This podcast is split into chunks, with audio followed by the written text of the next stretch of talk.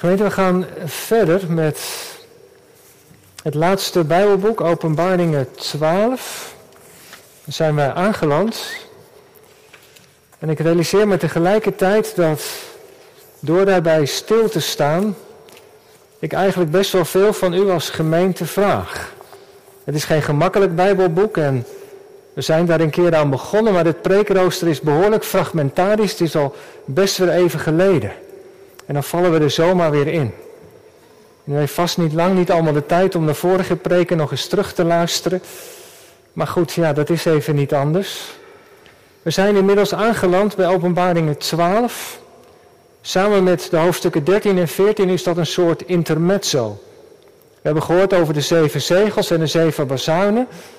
En dan straks komen ook nog de zeven schalen, maar daartussen is er een soort intermezzo van de hoofdstukken 12 tot en met 14. Er is heel veel over geschreven, maar het zijn wel belangrijke hoofdstukken. En het idee om er vanavond toch ook bij stil te staan is dat we op de media en op het nieuws alleen maar kunnen horen en zien wat voor ons mensen zichtbaar is. We horen van conflicten, oorlog, moord, doodslag en allerlei verdrietige dingen. Naast de goede die er ook zijn, maar waar je vaak niet zoveel over hoort. Maar wat is er nou in die niet zichtbare werkelijkheid erachter? Daar onthult openbaringen ons belangrijke dingen van. Om als christen ook waakzaam te kunnen zijn en staande te kunnen blijven. En je zou denken dat de Heere God het niet gaat redden. Maar niets is minder waard. Openbaringen 12. We gaan lezen uit het woord van God. Deze woorden. En er verscheen een groot teken in de hemel. Een vrouw bekleed met de zon. De maan was onder haar voeten. Op haar hoofd een kroon van twaalf sterren. En ze was zwanger. Ze schreeuwde het uit in barensnood. Ze had pijn om te baarden. En er verscheen een ander teken in de hemel. En zie, een grote vuurrode draak met zeven koppen en tien horens. En op zijn koppen zeven diademen. En zijn staart veegde een derde deel van de sterren van de hemel en wierp die op de aarde. En de draak stond voor de vrouw die op het punt stond om te baarden, om haar kind te verslinden, zodra zij het gebaard zou hebben. En de vrouw baarde een zoon, een mannelijk kind dat alle heidenvolken zal hoeden met een ijzeren staf. En haar kind werd weggerukt naar God en naar zijn troon. En de vrouw vluchtte naar de woestijn waar zij een plaats had die door God voor haar gereed gemaakt was.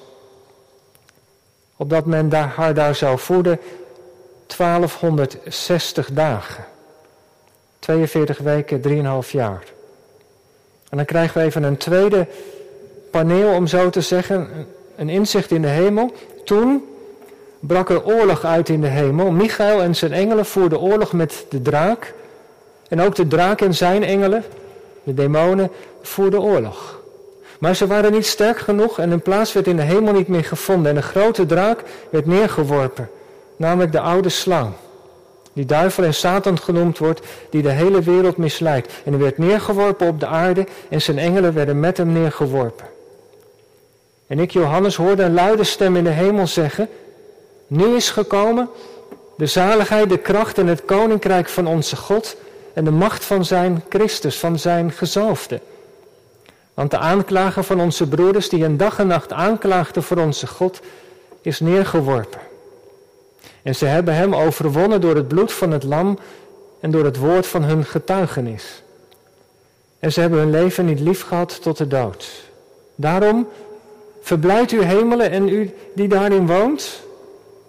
Wee hun, zeg maar wee ons, die de aarde en de zee bewonen want de duivel is naar beneden gekomen naar u toe in grote woede. Want hij weet dat hij nog maar weinig tijd heeft. En zodra de draak zag dat hij op aarde was neergeworpen, ging hij de vrouw vervolgen die het mannelijk kind gebaard had. En aan de vrouw werden twee vleugels van een grote arend gegeven, opdat zij naar de woestijn zou vliegen, naar haar plaats waar zij gevoed wordt. Een tijd, tijden en een halve tijd. Buiten het gezicht van de slang. En de slang spuurde uit zijn bek water als een rivier, de vrouw achterna om haar door de rivier te laten meesleuren, maar de aarde kwam de vrouw te hulp. En de aarde opende haar mond, verzwolg de rivier die de draak uit zijn bek had gespeeld.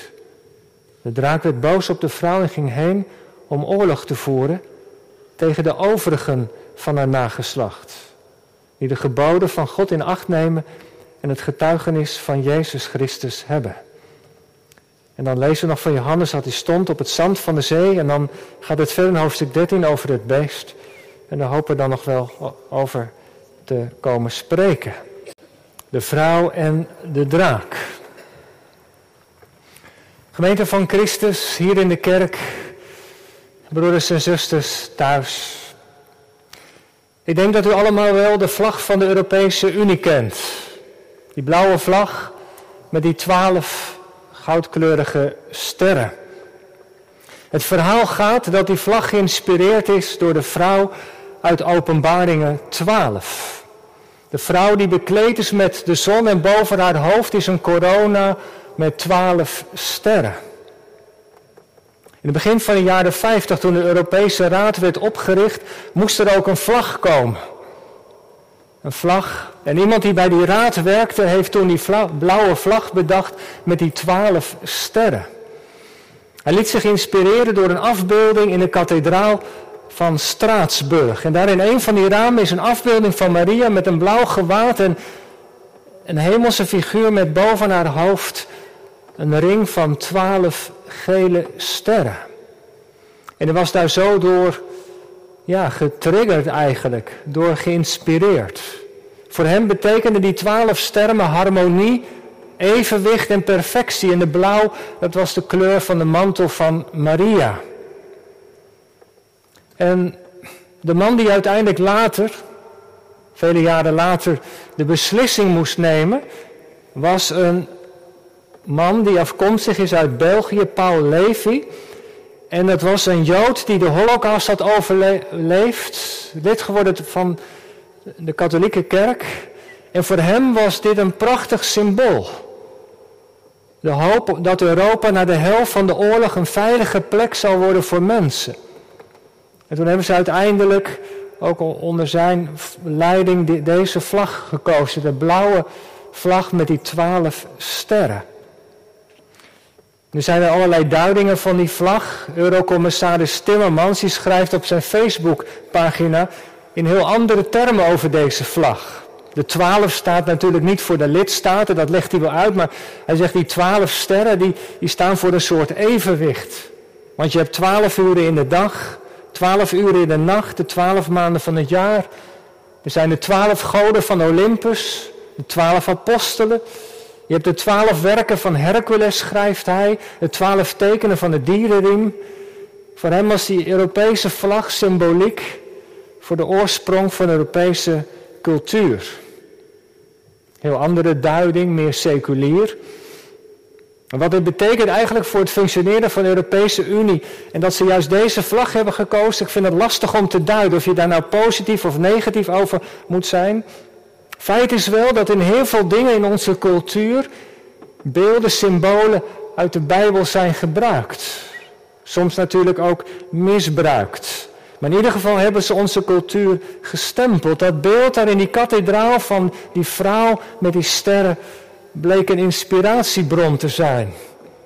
Nou ja, zomaar even wat meer over dat, dat, die vlag van de Europese Unie. Het heeft alles te maken natuurlijk met het Bijbelgedeelte wat vanavond centraal staat. Wie is zij eigenlijk, die vrouw? Wat ziet Johannes en wat wil hij ermee zeggen? In ieder geval, in dit hoofdstuk, dat hebben we wel gemerkt, zijn er eigenlijk twee hoofdrolspelers. Aan de ene kant is daar de vrouw en aan de andere kant de draak. En als je een beetje thuis bent in de Bijbel, dan weet je dat Johannes hiermee teruggrijpt op het allereerste begin. Genesis. Genesis gaat het over het zaad van de vrouw en het zaad van de slang.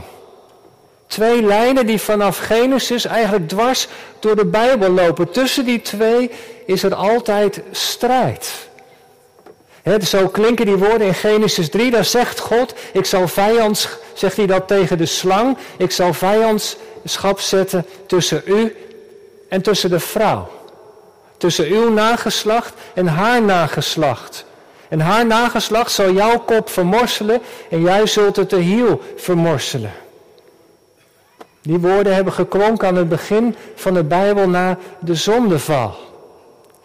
Twee lijnen die door heel de Bijbelse geschiedenis lopen en ze krijgen nu als het ware in hoofdstuk 12 hun climax.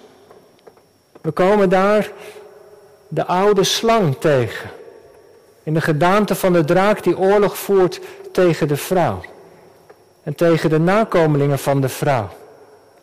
Het intermezzo van de hoofdstukken 12, 13 en 14 gaat over het einde van de tijd. Maar het is tegelijkertijd de tijd waarin wij leven.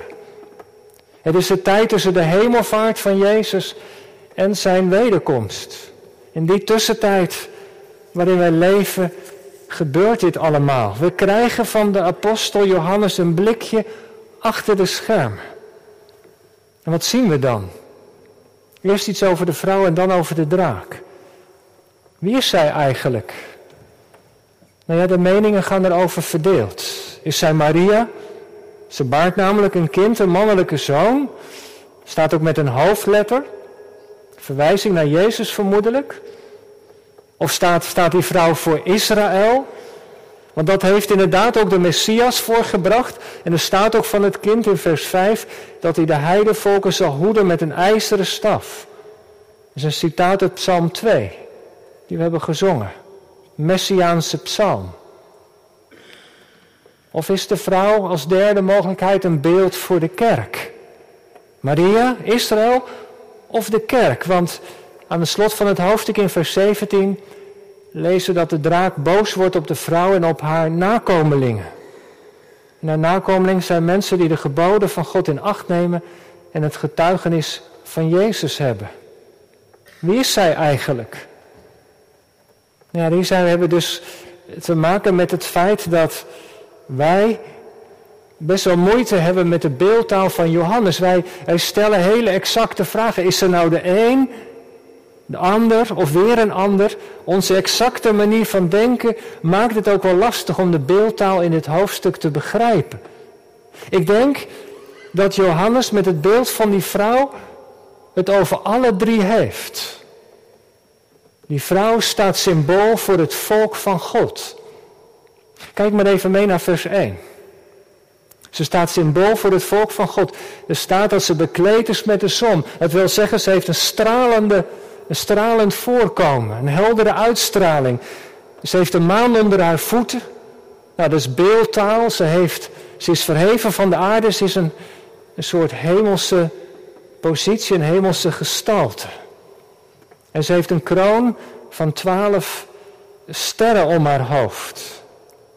En als je een beetje thuis bent in de Bijbel, dan, dan moet je, daar wijzen de uitleggers op, even terug naar het boek Genesis. Jozef, de meesterdromer, had ook een droom over de zon, de maan en de sterren die voor hem neerbogen. En dat ging dan over zijn broers. Dat ging dan eigenlijk over Israël. Die twaalf sterren in de eerste plaats staan, denk ik, voor de aartsvaders van Israël, voor de stammen van Israël.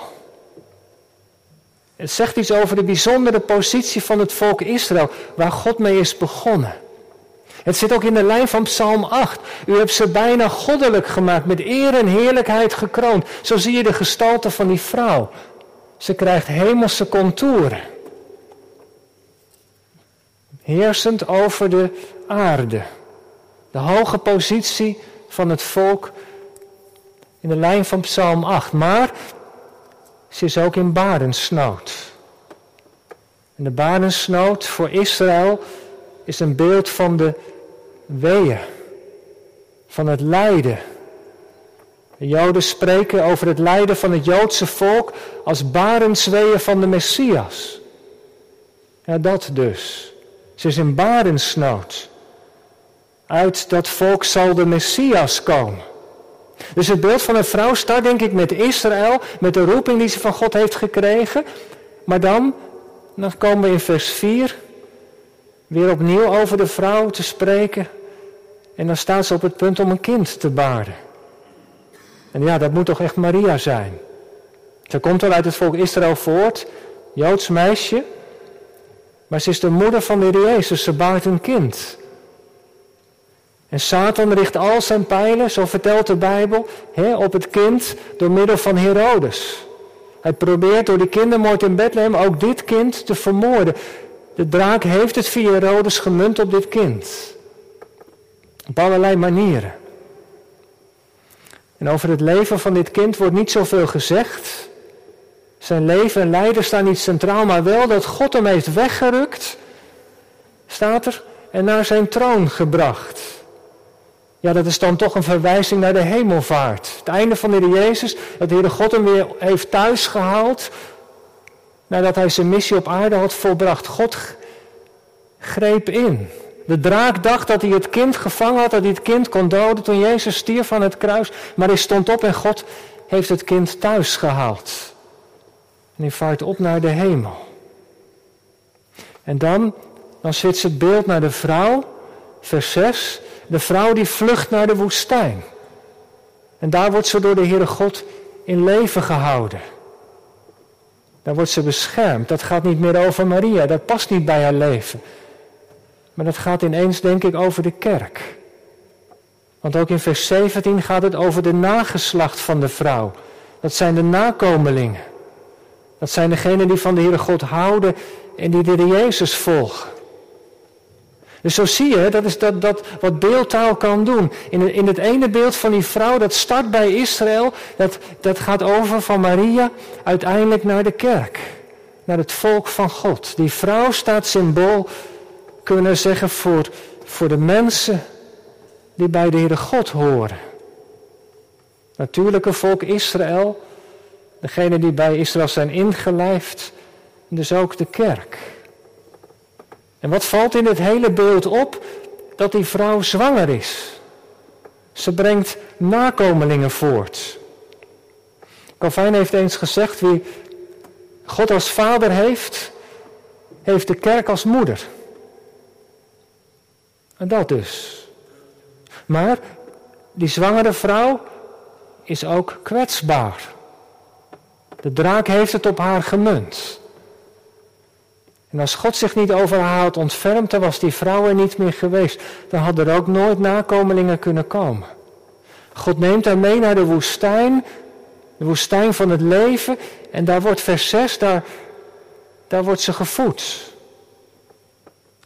1260 dagen. En later lezen we nog een keer de versen 13 tot en met 18, maken dat nog wat concreet. Ze gaat naar de plaats waar ze gevoed wordt, maar ze krijgt vleugels van een arend.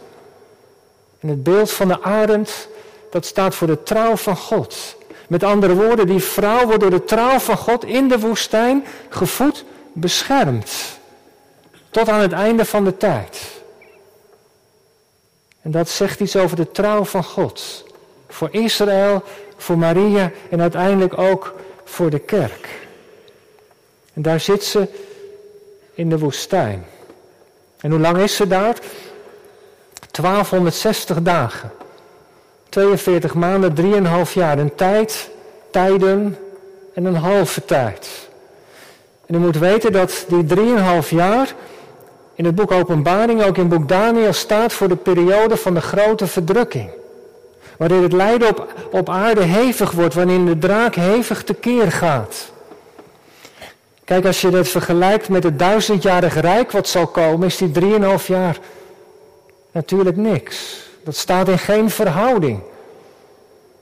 En ik denk ook dat het ook een symbolische uitdrukking is. Ja, kijk, er zijn uitleggers die zeggen, ja, dat moet ergens een periode in de geschiedenis zijn. Drieënhalf jaar hevige verdrukking. Het zou kunnen. Maar ik denk dat het waarschijnlijker is dat het heel die periode tussen de hemelvaart van Jezus en zijn terugkomst bestrijkt. En dan heb je soms perioden met meer of minder intensiteit.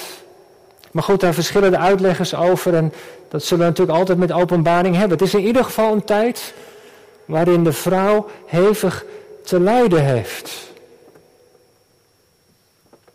Maar dan is er nog een andere speler. Ze heeft te lijden namelijk van de draak. Nou, die draak is makkelijker te duiden. Hè? Vers 9 staat het heel letterlijk. De draak die neergeworpen wordt, dat is de oude slang. Verwijst naar Genesis. de slang in het paradijs. Het is de duivel. Diabolos, degene die tweedracht zaait. En Satan, het woord betekent tegenstander. En let ook even op de beschrijvingen.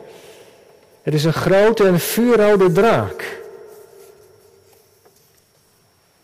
Er staat symbool voor de tegenstander van God.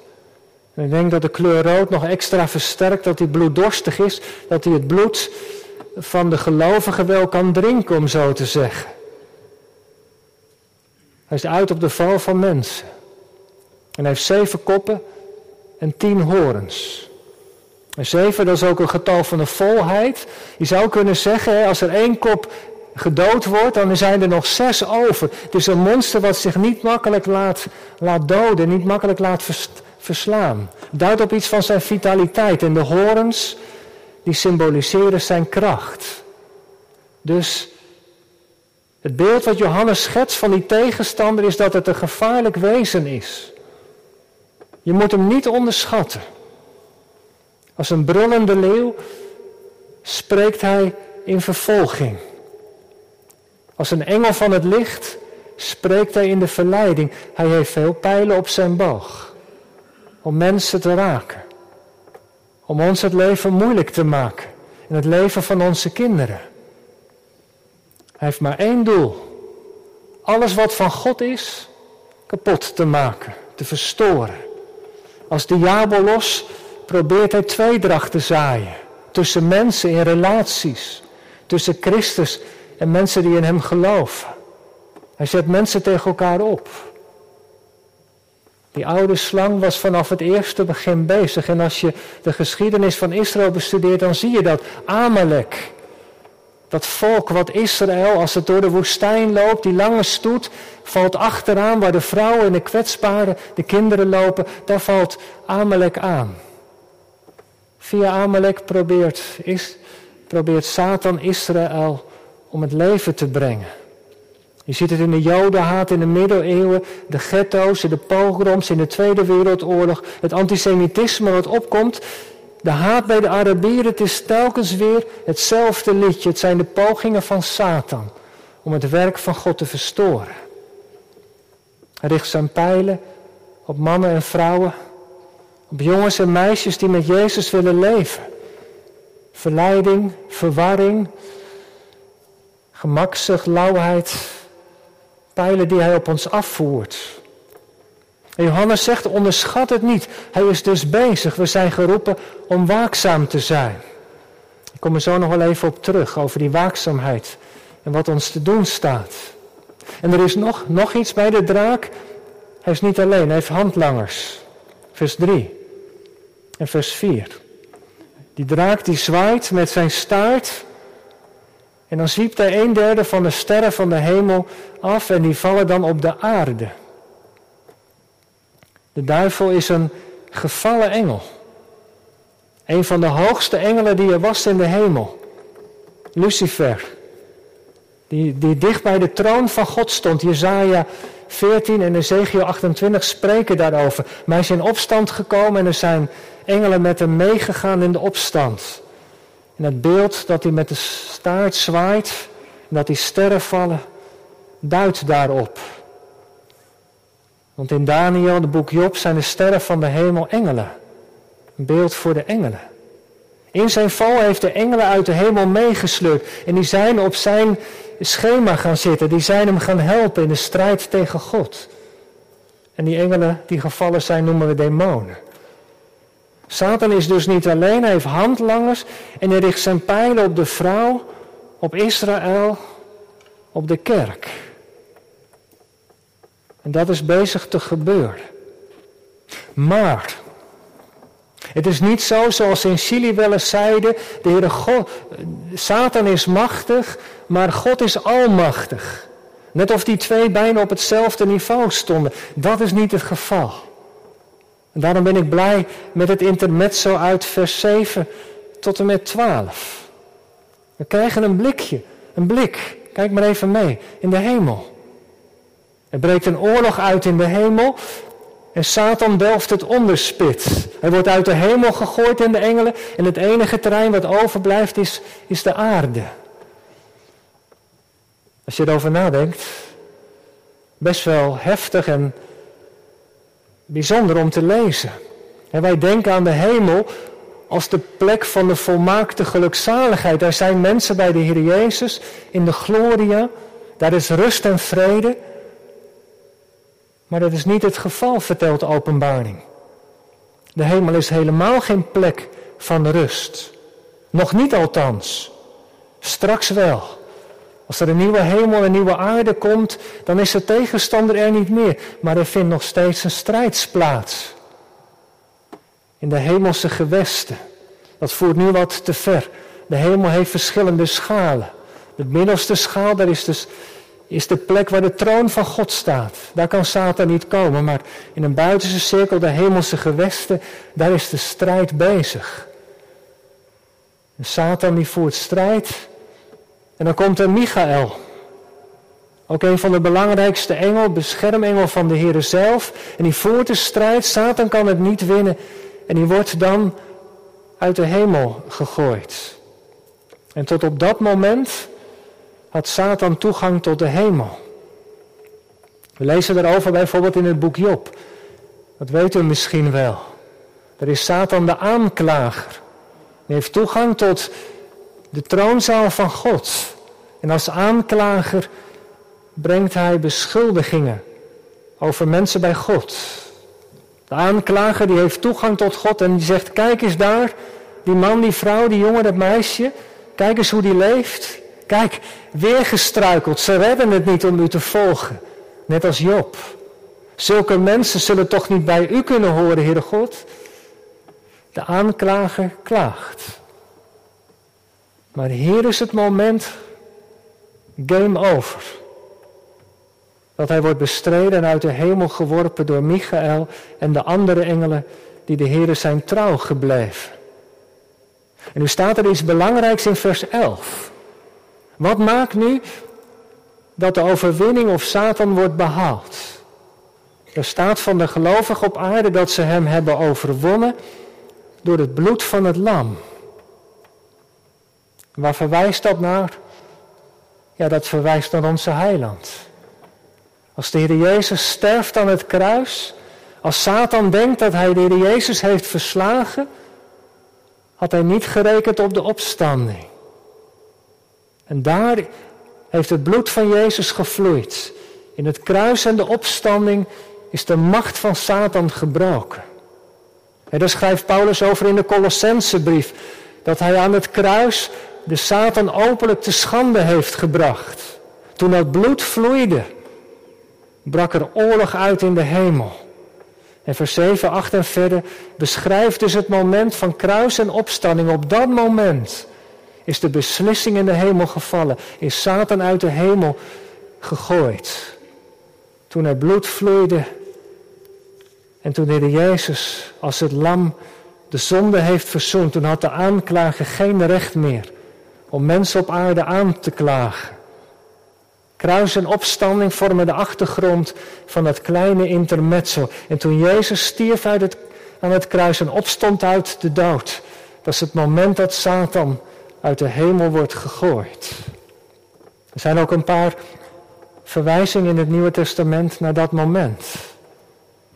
Ik heb ze even genoteerd. Jezus noemt het in zijn bediening. Als hij discipelen uitstuurt om het evangelie te verkondigen, dan zegt hij, ik zag Satan als een bliksem uit de hemel vallen. En in Johannes evangelie, nu zal de overste van deze wereld buiten geworpen worden. Toen Jezus mens werd, toen hij uiteindelijk aan zijn bediening is begonnen op aarde, toen is de aanval aan het rijk van de duisternis begonnen.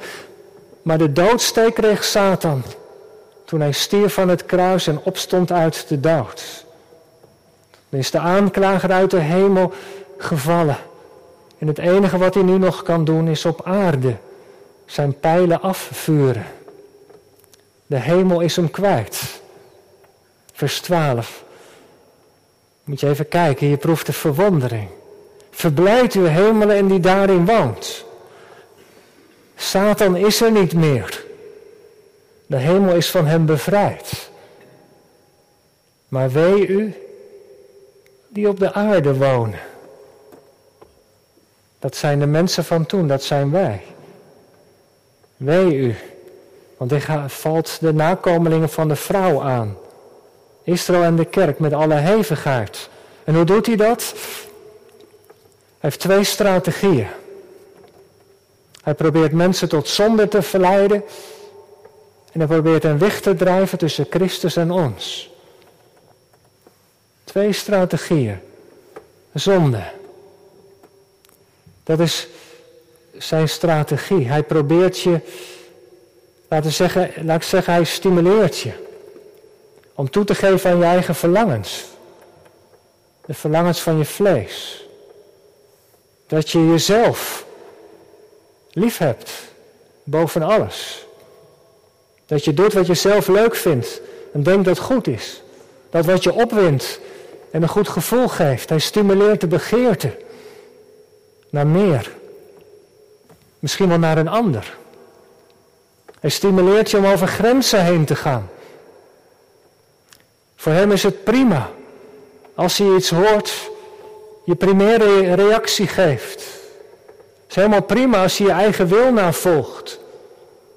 Als je maar nooit vraagt aan God, Heer, wat wilt u dat ik doe? Is dit wel de weg die ik mag gaan of is dit niet de weg van u? Satan zegt, stel die vraag maar liever niet. Ga maar gewoon je eigen gang. En als je eigen gang gaat, dan breidt hij zijn invloed in ons leven uit. Zonde. Maar ook een weg. Hij drijft een weg tussen ons en Christus. Hoe doet hij dat? Door twijfel. Hij gooit hout op het vuur van teleurstelling. Denk je nou echt dat God om je geeft? Je moet het toch zelf uitzoeken in het leven? Heb je toch mooi laten zitten toen, die ene keer? Je ziet toch dat het niet werkt in de wereld, dat geloof? Ziet de wereld nou echt zoveel beter uit? Je bent Jezus gaan volgen. Is je leven nou echt zo voorspoedig gegaan? Nee toch? Waarom doe je zoveel moeite? Laat het geloof toch gaan, joh. Het levert je alleen maar gedoe op. Kies voor je vrijheid. Nou ja, zo zijn er allerlei pijlen die hij op ons afvuurt. Via de gedachten. Stemmetjes. En hebben we allemaal last van. Nog niet eens zozeer de brullende stem van de vervolging, maar de stille stem van de verleiding. En we merken het. We merken het hoe hij trekt aan ons, maar zeker ook aan onze kinderen. Hoeveel ouders onder ons worstelen daar niet mee? Dat hun kinderen andere wegen gaan. Dat ze hier beleidenis hebben gedaan en het geloof wel gezegd. Dat ze relaties aangaan met mensen die niet geloven. En je ziet hoe het geloof begint te verdampen. En wat kun je als ouder doen? Hoeveel van ons worstelen daar niet mee? En wat komt het soms dichtbij? Ik sprak er laatst met een paar mensen in de gemeente over. We zeiden tegen elkaar, weet je wat nodig is? Maar eigenlijk één ding. Gebed. Heel veel activiteiten kunnen wat mij betreft in de kerk allemaal stoppen. Maar één ding moeten we intensiveren. Dat is het gebed. Het gebed. Het gebed voor ons en voor onze kinderen. Zie je die pijlen die hij op ze afvuurt? Johannes probeert ons waakzaam te maken. Gelukkig heeft de waarschuwing en de aansporing niet het laatste woord. Ik eindig met drie punten. Ik heb mezelf natuurlijk ook wel afgevraagd in die strijd, wat is nu de troost? Wat is nu het evangelie? Ik noem drie dingen. En het eerste is dit. Er is een schuilplaats. God biedt bescherming aan degenen die bij hem horen. Ik vond dat wel mooi van die vrouw. Hè? Ze wordt door de Heere God naar de woestijn gebracht en daar wordt er voor haar gezorgd. Vers 6, vers 14. Is een veilige plek waar God de vrouw voedt. God zorgt voor iedereen die bij hem hoort. Hij is een schuilplaats. Deze week stonden we daar in een dankdienst voor het leven van een zuster uit de gemeente nog bij stil. Dat woord wat zo in hun leven een diepe impact had. God is voor ons een toevlucht. Te alle tijden. Er is een schuilplaats. We mogen elke dag die schuilplaats binnengaan. En het tweede. Die verandering in die hemel, in die strijd is gekomen dankzij het werk van de Jezus aan het kruis. Dat is het tweede. Hij heeft een kruis op deze wereld gestaan. Laten we dat niet vergeten. Door het bloed van het lam is de draak overwonnen. En geen mens en geen macht in de wereld kan nog achter Golgotha terug. Laten we het niet vergeten. Als gelover mogen wij leven in de wetenschap dat er Jezus overwinnaar is. En wat heb je dat nodig om dat te horen en er ook weer over te zingen? Overwinnaar zal hij zijn over zonde, dood en pijn. Heel het rijk der duisternis weet wie Jezus Christus is. En ze zijn bang voor hem. Maar wij hoeven niet bang te zijn voor onze heiland. Hij is de hoogste Heer. Mijn Heer. Mijn heiland. Dat geloven we toch, er heeft een kruis gestaan. En het, het derde, wij mogen vanuit de overwinning leven. Hoe hebben de martelaren het volgehouden in de eerste eeuw? In de tweede, in de derde eeuw, in al die eeuwen daarna. Hoe hebben zij de duivel overwonnen? Door het bloed van het lam. Door bij Jezus te schuilen. En ook, vers 11, vers 17, door het woord van hun getuigenis. Ze weigerden hun knieën te buigen voor de keizer. Voor al de afgoden die er waren in die tijd. En waarom deden ze dat? Met vallen en opstaan omdat er één persoon was die ze lief hadden gekregen. Ze hadden oog gekregen voor de liefde van Jezus en die was hen te sterk geworden. En hoe is dat bij jou? Hoe is dat bij u? Zeg je dat de martelaren naast? Ze kunnen me alles afnemen, maar Jezus niet. Jezus niet omdat zijn liefde, zijn genade je te sterk zijn geworden. Omdat je weet dat je enige houvast in je leven je heiland is. En zo was het toen. En zo is het hopelijk nog steeds. Wij kunnen staande blijven, sterk in zijn kracht.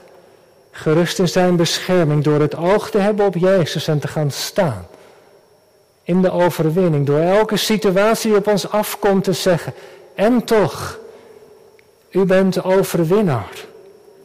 U laat niet los wat uw hand begon. Gemeente, laat dit woord van Johannes van de Apostel ons aansporen. Om dicht bij Jezus te blijven. Daarin ligt onze bescherming. Sterk in zijn kracht. Gerust in zijn bescherming. En laat het maar steeds tegen elkaar zeggen wat we nu ook gaan zingen. Laten we het elkaar nu maar gaan toezingen. Hem zij de glorie, want hij die overwon, zal nooit loslaten wat zijn hand begon.